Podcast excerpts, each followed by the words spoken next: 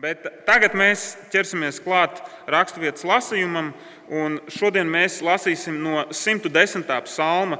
Tāpēc lūkšu jūs visus uzšķirt Bībelē 110. psalmu. Labi, pirms mēs lasām šo raksturvietu, es vadīšu īsā lūkšanā, un tad arī lasīsim. Debesu Tēvs, mēs pateicamies par Tavu vārdu, jo Tavs vārds mums dod gudrību Nevis cilvēcisku gudrību, bet gan dievišķu gudrību, kas mums parāda glābšanas ceļu. Un tādēļ mēs lūdzam Tēvs, lai Tu šajā svētdienā uzrunātu mūsu sirdis, izlēj par mums bagātīgi Tavu svēto garu, tā ka mēs varam saprast, pieņemt un paklausīt Tavam vārdam.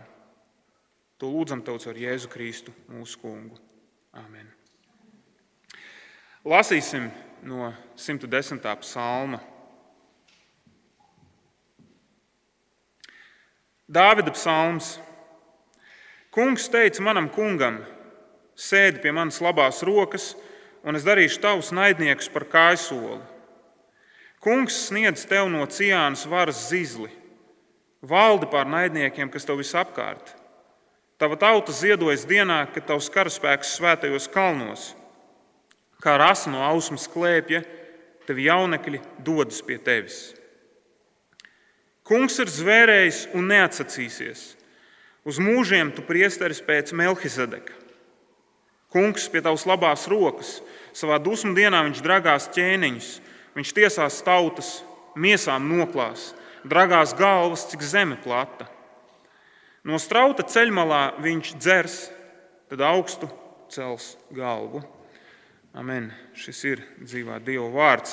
Es eh, mudinu jūs paturēt vaļā 110. psalmu, jo mēs uz to skatīsimies. Un šodien būs vēl cits raksturvietas, šodien būs grūta svētkruna, bet tas ir labi, jo mums arī tādas ir vajadzīgas. Redziet, 110. Eh, psalms ir ļoti populārs teksts Bībelē. Tas ir mesijāniskais psalms, jeb tas ir Dieva raksts, kurā viņš parāda to, kāds ir viņa apsolītais valdnieks, Mēsija. Un šajā psalmā mēs lasām par to, ka Dieva valdnieks ir baiss. Tieši tā. Nevis tāds mīlīgs un pūkains, bet baiss. Dieva valdnieks iedvež bijību un bailes. Un 110. psalms ir viens no tiem vecās derības tekstiem, kuru jaunā derība citē visvairāk. Un eh, svētdienas attīstības gaitā mēs ieraudzīsim to, ka 110. psalma galvenais varonis un piepildījums ir Jēzus Kristus. Neviens cits, tikai un vienīgi Jēzus.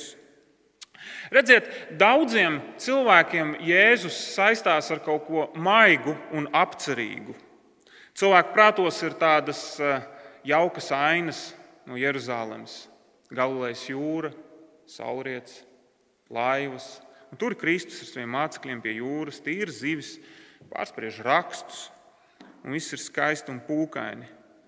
Un 110. psalms mums parāda to, ka tā nav patiesība. Jēzus, kurš ir augšām cēlies, nav tāds. Jēzus ir šaušalīgs valdnieks. Ja mēs nopietni ņemam vērā to, ko Dievs saka šajā raksturvietā caur ķēniņu Dāvidu, tad mēs nokritīsim ceļos Jēzus priekšā, un mēs viņu pielūgsim. Un mēs gribēsim arī citiem par viņu stāstīt. Ieskatieties kopā ar mani šī psalma 1 un 4 pantā.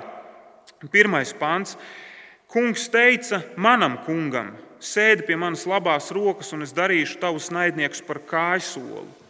Un tagad 4. pants. Kungs ir zvērējis un neatsacīsies. Uz mūžiem tu priesteris pēc Melchisedeka. Redziet, Dievs šajā psalmā parāda vienu pārsteidzošu lietu. Viņš parāda to, ka viņa valdnieks apvienos sevī divas kalpošanas. Viņa valdnieks būs ienaidnieku uzvarētājs, un viņa valdnieks būs priesteris vienlaicīgi. Tā teikt, Dieva valdnieks ir sakausējums starp karu un mieru. Tās abas lietas tiek savietotas valdniekā. Es domāju, ka jūs varētu iztērot, iztēloties tādu kaujās norūdītu brangu karavadoni, piemēram, Ukrāņu virspavēlnieku armijai Valeriju Zalužņoju. Stiprs vecis, un tad no otras puses laipnu, jauku, pieklājīgu miera sūtni, kurš samierina divas naidīgās puses. Un lūk, Dieva ķēniņš apvieno sevī šīs lietas. Stipru karavadoni, ienaidnieku uzvarētāju un priesteri. Un redziet, 110. psalms dieva ļaudīm bija ļoti liels pārsteigums. Tāpēc, ka vecajā derībā kungs bija iedibinājis citādāku kārtību. Bija ķēniņš un bija priesteris, un tie bija divi atšķirīgi cilvēki. Priesteri nāca no Levijas cilts Izrēlā, Ārona dzimtas, savukārt valdnieki cēlās no Jūdas cilts, Dāvida dzimtas. Kas bija jādara valdniekam? Valdnieku uzdevums bija valdīt pār tautu un sakaut ienaidniekus. Kas bija priesteru uzdevums? Priesteru uzdevums bija pienest upurus, samierināt svētu dievu ar netaisniem un ļauniem cilvēkiem. Un lūk, 110. psalms saliek šīs divas kalpošanas vienā personā. Dievs nāk pie saviem cilvēkiem ar valdnieka zīzli vienā rokā un tai pašā laikā tērpts priestera drānās. Kā jau es jums to teicu, tad 110. psalms ir tieši pravietojums par Jēzu. Un mēs redzam to jaunajā derībā. Tas parādās viennozīmīgi. Viens ļoti skaidrs piemērs, ja jums ir ātri pirksti, tad atšķiriet, bet, ja negribas ātri šķirstīt Bībeli, tad varat to nedarīt. Vienkārši iegaumējiet. Apstuļu darbu grāmata, otrā nodaļa. Apstuļu darbu grāmata, otrā nodaļa. Pētera sprediķis vasaras svētkos. Paklausieties, ko viņš saka. 32. pāns. Redzi, šo Jēzu Dievs ir augšām cēlis, tam mēs visi esam liecinieki. Ar Dieva labo roku paaugstināts un saņēmis no tēva apsolījumu par svēto garu, viņš to izlēja, kā jūs redzat un dzirdat.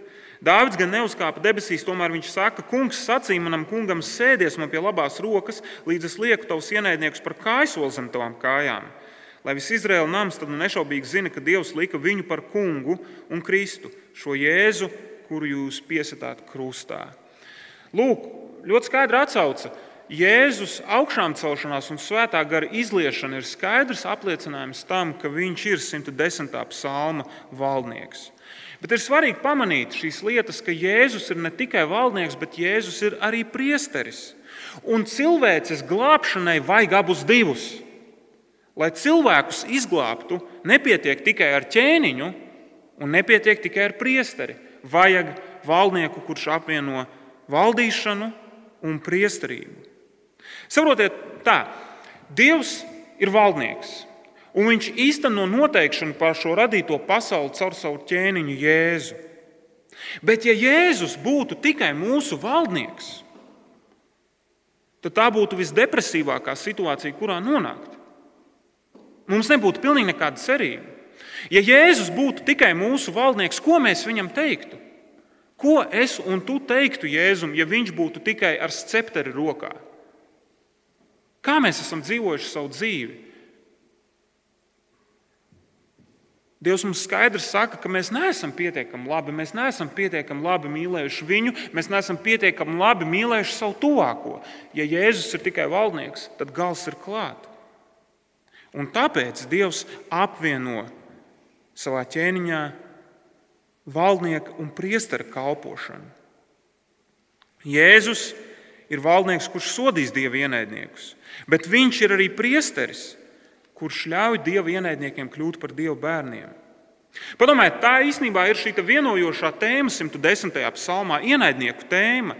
Jēzus ir kā valdnieks, kurš sakau ienaidnieks no ārpuses, un Jēzus ir priesteris, kurš ļauj cilvēkiem, kas ir naidīgā stāvoklī ar Dievu, samierināties ar viņu, jo viņš ir vidutājs. Īsumā par šodienas svētkrunu tā, tā bija tā galvenā doma, ka Jēzus sevi apvieno uzvarētāja un priestera pienākumus. Un tagad mums jāapskatās uz diviem apakšpunktiem, un šajā svētdienā būs tikai divi apakšpunkti. Un, ja jūs uzmanīgi paskatāties uz 110. psalmu, tad 110. psalmā ir divas daļas. Tas ir būvēts uz tādiem tā diviem balstiem. Pirmais pāns - Kungs teica, Pirmais dieva apsolījums. Ceturtais pāns - Kungs ir zvērējis. Dievs pasludina valdnieku varu, un Dievs zvēr par savu priesteri. Pieķersimies klāt šim pirmajam punktam. Pārdomāsim to, ka Dievs apsola savam valdniekam uzvaru pār ienaidniekiem. Un šeit mums ir jāatgriežas atpakaļ pie psalma un jāizlasa pirmais un otrais pants, un pēc tam daļa no 5. līdz 6. pantam. Dāvida psalms. Kungs teica manam kungam, sēdi pie manas labās rokas, un es darīšu tavus naidniekus par kājsolu. Kungs sniedz tev no ciānas varas zīzli, valdi pār naidniekiem, kas tev visapkārt. Un tagad pie 5. panta. Kungs pie tavas labās rokas, Savā dusmu dienā viņš dragās ķēniņus, viņš tiesās tautas, miesām noklās, dragās galvas, jeb valdniekus, cik zeme ir plata. Ļoti interesanti. Mums te ir jāpamana Dāvida izteiksmes veids. Dāvids šeit runā ne par sevi. Dāvids runā par kādu, kurš ir augstāks par viņu. Ja pirmajā pantā ir šie vārdi kungs, proti, tas ir Dievs. Dievs teica manam kungam jeb manam valdniekam, jeb manam meistaram. Un kas tad ir šis apsolījums? Apsolījums ir sekojošais, ka Dievs ļauj šim ķēniņam sēdēt pie savas labās rokas, līdz Dievs padara ienaidniekus par kājsoli. Ir svarīgi izskaidrot šos vārdus. Sēdēt pie labās rokas nozīmē baudīt godu Dievu priekšā. Redziet, senajā pasaulē cilvēks nevarēja tā patvaļīgi ienākt ķēniņa klātbūtnē. Tu tik uzaicināts. Un tas bija liels gods, ja ķēniņš teica, nāc un apsēdies pie manas labās rokas. Tā bija goda pozīcija, cieņas pozīcija. Taču tas nav viss. Šim ķēniņam tiek apsolīts arī tas, ka Dievs padarīs viņa naidniekus par kāju soli. Ja, pirmā panta beigas šis vārds kāju solis. Mums ir pareizi jāsaprot šī valoda, jo te ir runa par kādu simbolisku žestu. Un es zinu, ka Bībeles šķirstīšana nogurdina, bet mums ir svarīgi iepazīties ar šo valodu, lai mēs saprotam, ko Dievs saka.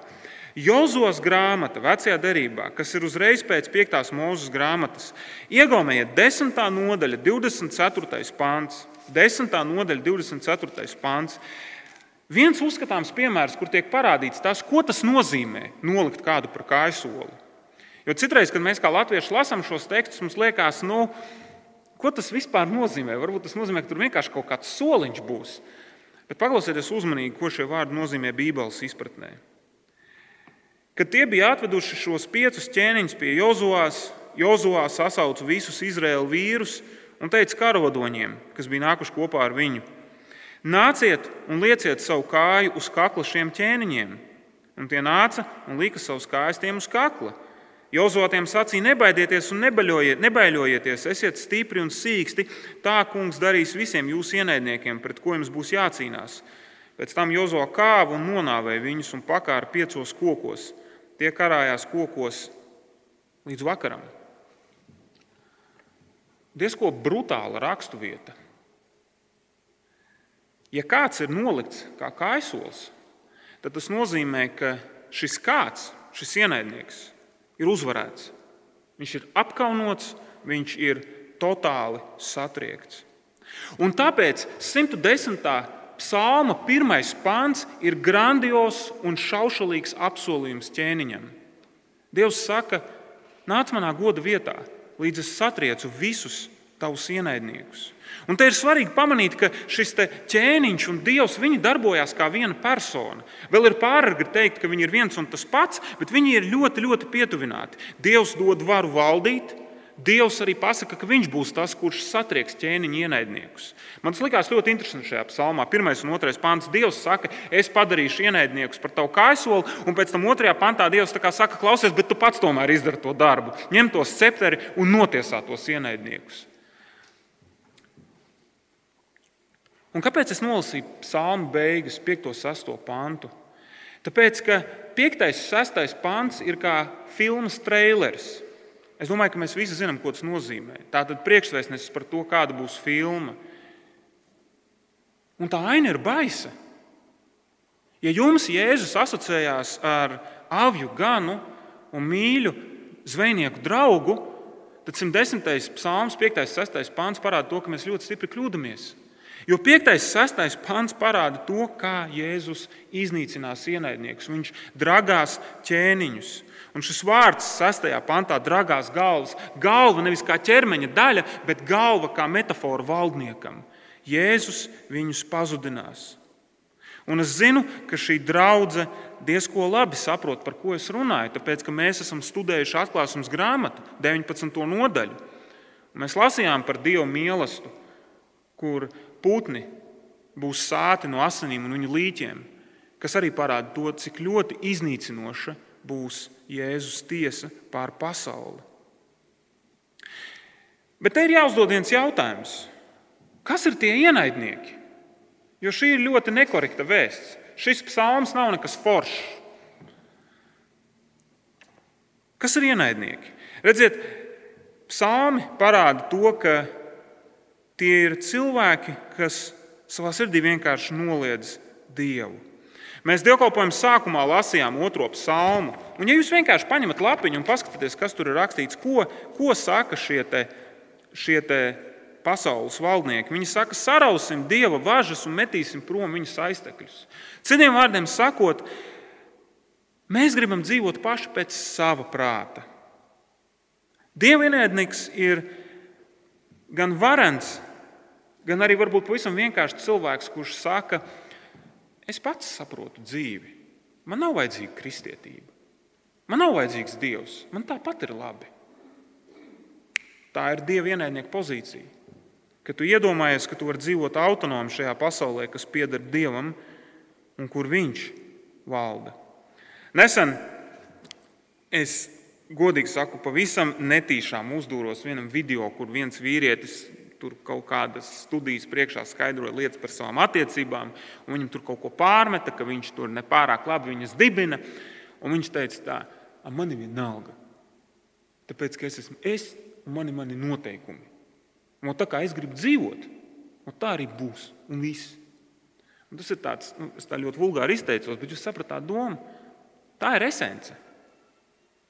Būt naidā ar Dievu nozīmē dzīvot ar šo attieksmi. Kāds Dievs? Viss ir ok, es pats varu tikt galā. Man nav vajadzīga kristietība. Gan jau zinātnē, kādreiz pierādīs to, ka Dievs ir izdomāts un tā tālāk. Autonomija un neatkarība un vēlme pašam dzīvot par sevi ir ienaids ar Dievu. Darbie draugi, šis psalms mums liek izvērtēt to, kā mēs uztveram Jēzu.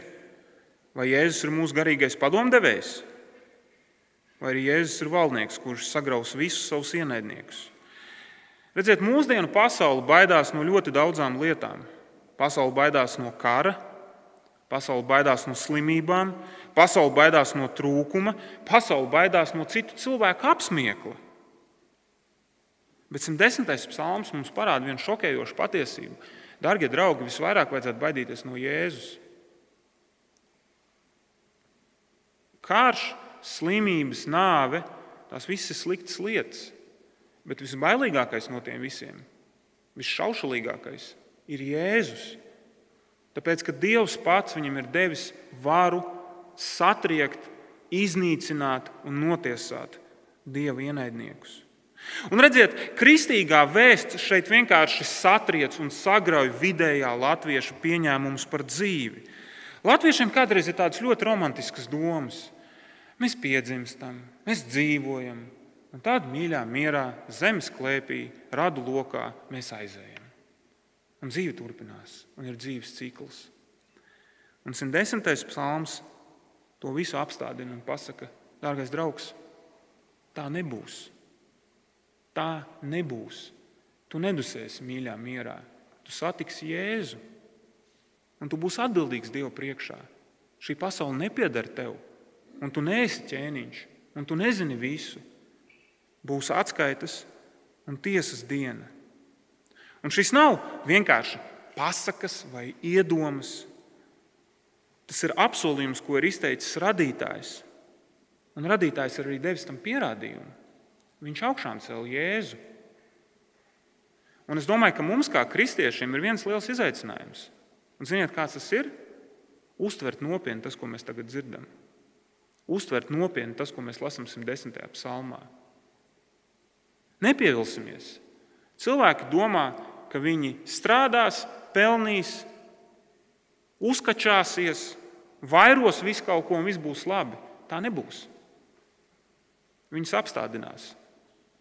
Ne jau šajā dzīvē, bet tajā brīdī, kad Kristus atklāsies, viņus apstādinās. Un cik tas būs briesmīgi. Šis psalms mūs mudina izvērtēt to, kā mēs uztveram Jēzu. Un no otras puses, šis psalms mums, kā draudzēji, arī ļauj saprast to, kāda ir veselīga un uzticama kristīga kalpošana. Kas ir tas kritērijs, pēc kura mēs varam pateikt, ka draudzes sludina Jēzu? Un 110. psalms parāda, ka Jēzus tiek sludināts tur, kur tiek uzsvērta viņa tiesa. Nav runa par to, vai cilvēki tam tic.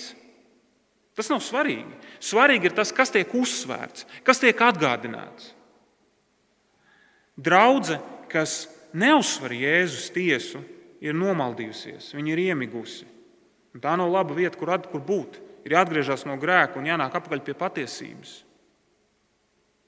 Protams, ka sarunas par tiesu ir smagas, bet, darbie draugi, vai tas nav pats mīlošākais, ko mēs varam darīt īstenībā? Es zinu, tas ir nepatīkami. Mēs visi esam bijuši tajās situācijās, kur tu runā ar cilvēku, un tu saki, bet klau, Dievs tev tiesās. Un tā vietā, lai saņemtu kaut kādu reālu uzbraucienu, tu vienkārši saņem tādu skatienu, tādu neizpratni. Nu, tā kā tu esi no pirmā gadsimta, hei, mūsdienās nav tiesas. Tas ir grūti, bet tas ir vismīlošākais, ko mēs varam izdarīt. Jo Jēzus tiesās pasauli. Viņš tiešām to darīs. Un labākais un sirsnīgākais, ko mēs varam darīt, ir vienkārši to apliecināt. Neskatoties uz to, ko par mums pateiks. Ja kristīgā vēsts būtu tikai par dieva valdīšanu, tad tās būtu ļoti sliktas ziņas. Mēs esam dumpinieki, kuri pelna sodu un pazušanu no valdnieka. Taču 110. psalms parāda šo pārsteigumu, ka ķēniņš būs arī priesteris. Un tās ir labas ziņas ļauniem un sliktiem cilvēkiem. Tie ļaunie un sliktie cilvēki nav tur ārā, viņi ir šeit. Un viens no, jums, viens no viņiem, starp citu, tagad jums arī sludina Dievu vārdu. Šis pārdoms mūs aizved pie otrā punkta, proti, Dieva apsolījums par viņu valdnieku. Ceturtais pāns, klausamies. Kungs ir zvērējis un neatsacīsies. Uz mūžiem tu priesteris pēc Melhizedeka. Vai jūs pamanāt, kā Dievs šeit runā? Dievs, Dievs zvēr. Kas ir zvērsts? Tas ir svinīgs apsolījums, ko cilvēki izsaka tajā brīdī, kad viņi grib kaut ko uzsvērt. Tas ir svinīgs apsolījums, kad cilvēki grib pateikt, ka viņi izsaka kaut ko ļoti nopietnu un ka tam ir baigi nopietnās sekas. Un padomājiet, ja tas ir cilvēku gadījumā, tad kur nu vēl vairāk pie Dieva? Dievs atklāti saka, es zvēru ka mans ķēniņš būs mūžīgs priesteris. Tas nozīmē, ka viņa kalpošanai nebūs pārtraukums, viņa kalpošanai nebūs gals. Un viņš būs priesteris pēc Melhizedeka kārtas. Kas ir Melhizedeks? Tas ir dīvains vārds, bet tūkojumā tas nozīmē miera ķēniņš. Melhizedeks ir kāda persona no tālas senatnes, un par viņu ir rakstīts Bībelē, Vecajā derībā, 1. mūža grāmatā, 14. nodaļā. Un es nolasīšu. Es zinu, ka ir grūti visu laiku tām atsaucēm izsekot līdzi, bet es nolasīšu, lai mūsu ticība ir stipra. Pirmā mūzes grāmata, 14. nodaļa, 18. līdz 20. pāns. Klausamies par Melkizedeku. Un Melkisedeks, šālemes ķēniņš, iznesa maizi un vīnu. Viņš bija visaugstā dieva priesteris. Viņš svētīja to un teica: Svētīgs Ābrams, visaugstam dievam, debesu un zemes radītājam, un slavēts visaugstais dievs, kas tavus ienaidniekus nodevis tavā rokā un viņš tam deva desmito daļu no, daļu no visa. Melhizedeks bija šis mīklainais priesteris. Viņš satiek Ābrāmu un viņš viņu svētīja. Un kas šeit parādās? Melhizedeks sevi apvieno priesteri un ķēniņu vienā personā. Un Melkizedeks parādās tajā brīdī, kad Dievs Ābramam ir devis uzvaru par ienaidniekiem. Un es ceru, ka jūs sākat sadzirdēt, cik ļoti 110. psalms savienojās ar pirmo mūzes grāmatu. Uzvaru par ienaidniekiem un persona, kas sevī apvieno valdnieku, uzvarētāju un priesteri. Melkizedeks ir Kristus pirmtēls. Un, lai mēs labāk saprastu šīs lietas, mums ir vajadzīga jaunās darbības palīdzība. Kā jau es iesākumā teicu, tad priesteri vecajā darbā nāca no pavisam citas cilts, no Levijas cilts. Un jautājums ir, kāpēc Dievs maina savu kārtību? Mēs zinām, ka Dievs nekļūdās. Mēs zinām, ka Viņš ir perfekts. A, kāpēc Viņš maina savu kārtību? Un šeit es nolasīšu dažus pantus no vēstules ebrejiem, 7. nodaļas. Vēstule ebrejiem, 7. nodaļa. Lai Dievs man palīdz viņu laicīgi arī atrast, brīnišķīgi. Un te nu arī būs daži panti no vēstules ebrejiem, kur ir teikts, ja nu pilnība būtu sasniegta caur levītisko priesterību, uz kuru pamatojoties tautai tika dota bauslība, kāda gan vajadzība būtu celt citu priesteri, kas nosauc pēc Melkizedeka, nevis Ārona kārtas? Jo liecība ir šāda: tu esi priesteris mūžīgi pēc Melkizedeka kārtas. Tātad iepriekšējā pavēle tiek atcelta tās nespēka un nederīguma dēļ.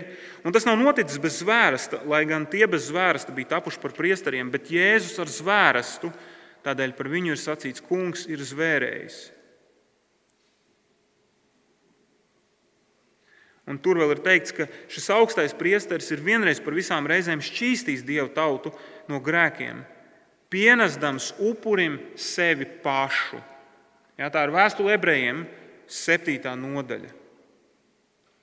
Dievs deva šo zvērstu tāpēc, ka Mūzus laika priesterība nebija pilnīga. Bija nepieciešams labāks vidutājs, kurš tik tiešām varētu izglābt dievu ļaudis.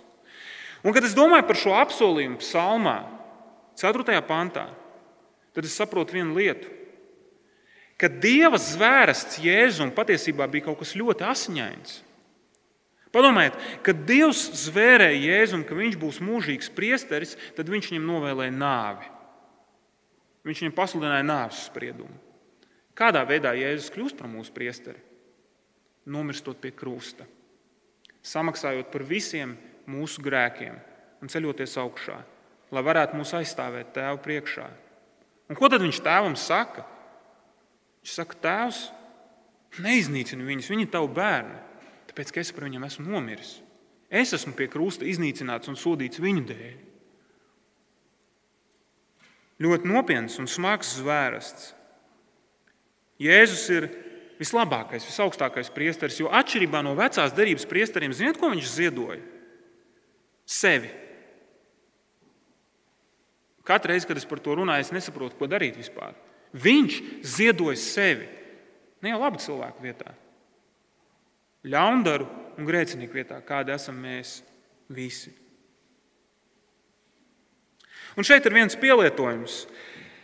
Vēsts par Jēzu kā priesteri, viņa pazemina ikvienu cilvēku, kurš ir lepns savā sirdī. Šeit atkal vajadzētu kariķēt latviešu standarta domāšanu. Nu kā dieviņš debesīs, un mēs katrs pēc saviem ieskatiem pie dieviņa ejam. Un Jēzus kā priesteris nāk un saka, nē, nē, nē, draugs. Dievs ir svēts un pilnīgs. Un tu tāds neesi. Dievs nedzird tavas lūgšanas, kamēr tu neesi Dieva bērns. Viņš tevi neklausās, viņš ir dusmīgs uz tevi, jo tu esi viņam pagriezis muguru. Dievs grib, lai tu ar viņu samierinies, bet ja tev nav priestera, tu neesi Dieva draugs. Tas pazemina vienu cilvēku, kurš ir lepns un kurš iedomājas, ka Nu, es jau varu nākt pie Dieva pats. Vai arī tas satricina kristieti, kurš klausās šos vārdus un domā, bet es jau to visu zinu. Klausies, ja tu saki, ka tu jau to visu zini, tu vispār neko nesaproti. Jēzus ir tavs priesteris, kurš ir sevi ziedojis, tevis dēļ, un tu neesi nekāds labais cilvēks. Tu esi ļauns likuma pārkāpējs. To tev Dievs saka.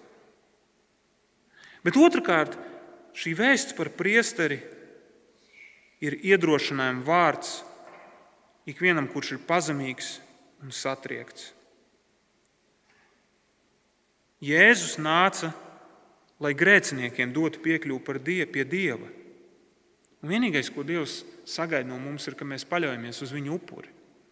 Iespējams, ka tu esi kristietis, kurš šobrīd nomāc un, un nospiež vairākas lietas. Iespējams, tu skaties uz savu pagātni un tu domā, es nezinu, kā Dievs vispār to varētu tikt galā. Vai iespējams, tu skaties uz kaut kādu esošu grēku, uz kaut kādu kārdinājumu, kas tev čakarē, tu netiec galā ar dusmām, vai ar iekāru, vai ar mantkārību, un tev liekas, Dievs, es nezinu, vispār es esmu tevis cienīgs. Vai arī tu skaties uz sevi un tu domā, es neesmu vispār piemērots Dievam.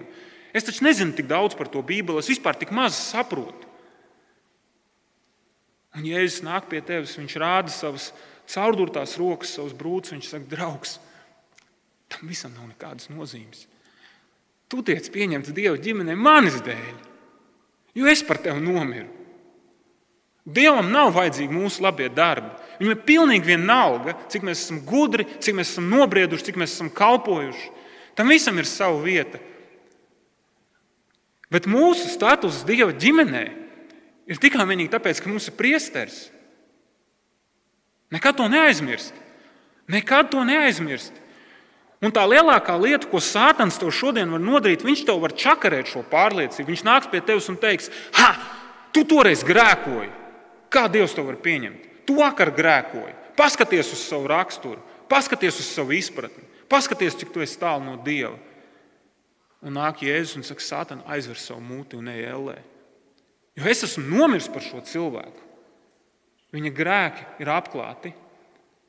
Manas dēļ viņš ir Dieva klātbūtnē, tēva rokās. Un neviens un nekas nespēs viņu izraut ārā no tēva manām žēlīgajām rokām. Tā ir ļoti laba vēsts, ka mums ir priesteris. Ja mums nav priestera, tad mums nav dieva. Un ja mums nav dieva, tad mums ir tikai nāve. Bet mums ir Kristus, mums ir priesteris un mums ir dzīvība. Kad es mācījos Anglijā, tad kādā dievkalpojumā es dzirdēju kādu izteikumu par Jēzu, kas man ļoti mulsināja uz to brīdi. Tur bija kāds saprātīgs brālis, kurš teica, ka Jēzus ir viņa varonis. Jēzus viņu iedvesmo un viņu sajūsmina. Un tagad, kad ir pagājuši vairāki gadi, un kad esmu arī pārdomājis nopietnāk 110. psalmu, es saprotu, kāpēc viņš to teica. Es saprotu, kāpēc Jēzus ir varonis ar lielo burtu. Tāpēc, ka viņš ir valdnieks, kurš kādu dienu visus cilvēkus tiesās. Pilnīgi visus, lielus un mazus. Bet viņš ir arī priesteris, kurš dod iespēju ļaundariem un netaisnījiem nākt Dievu klātbūtnē. Lai tie, kas ir ienaidnieki, kļūtu par draugiem, lai viņi tiktu izglābti no tiesas. Lai Dievs mums palīdz paturēt prātā lielas, cēlas un grandiozas domas par Jēzu. Noslēgsim ar lūgšanu.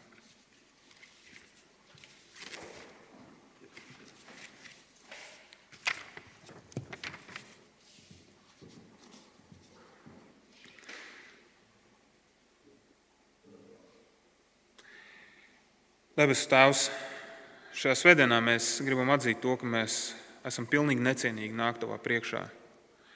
Ja Tu mums pielīdzinātu mūsu grēkus un mūsu nepaklausību, tad mums būtu jāpazūd. Šajā svētdienā mēs ar vienu sirdi, ar vienu domu un ar vienu balstu Tev slavējam par Jēzu Kristu, kurš ir augstais priesteris pēc Melkizedeka kārtas, kura kalpošana nebeidzās kuru krusta nāve ir mūs šķīstījusi un kura nāves dēļ mēs esam ievesti tavā klātbūtnē.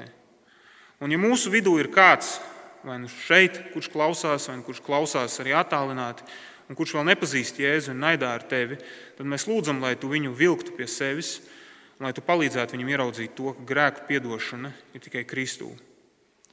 Bet mēs arī īpaši lūdzam par sevi, par mūsu ikdienas gājumu, Īpaši lūdzam par tiem brīžiem, kad Sātans mums atgādinās to, cik grēcīgi, cik sabojāti un cik nepiemēroti mēs esam.